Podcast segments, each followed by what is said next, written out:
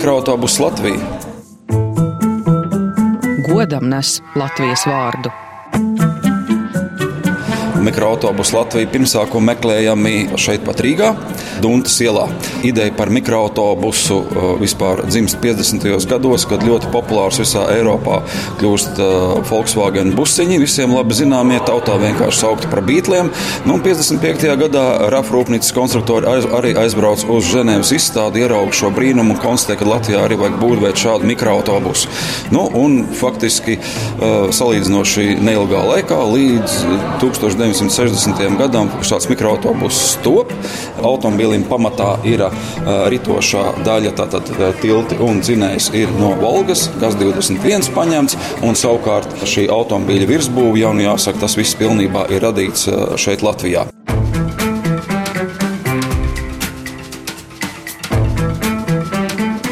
Kā šos mikroautobusus uh, atcerās mūsu iedzīvotāji. Nu, pirmkārt, noteikti kā mikroautobusus, kuri kā maršruta autobusu pārvadāja pasažierus šeit Rīgā. Tas ir viens. Noteikti atcerās kā ātrās palīdzības, bet nu, līdz mūsdienām šie modeļi saglabājušies pavisam nelielā skaitā. Pēc šīm mikroautobusu nāk otrās paudzes uh, mikroautobusu, kuri jau ir nu, stipri vairāk pazīstami. Un, nu, jo, jo šie mikroautobusi ļoti veiksmīgi uh, kalpoja šeit pat Latvijā un visā plašajā padomju savienībā līdz pat 90. 90. gadu sākumam. Nu, ziemā ar, ar, ar šo automobīli parasti bija tā, ka nu, uh, iemet iekšā kaut ko smagu. Un viens no labākajiem variantiem bija ļoti smags un plakans kanalizācijas uh, lūks vāks, jo ziemā ļoti grūti pabraukt. Uh, svars ir ļoti uh, tendēts uz priekšu, jo motor, uh, automobīlim motors atrodas priekšā. Aizmugures daļa ļoti, ļoti viegla. Nu, ja ir ledus, sniegs, braukt ļoti, ļoti grūti. Labāk bija daudz tad, ja tur sēdēja pilns ar cilvēkiem, tad ir cita, cita lieta, cita vadāmība. Ja?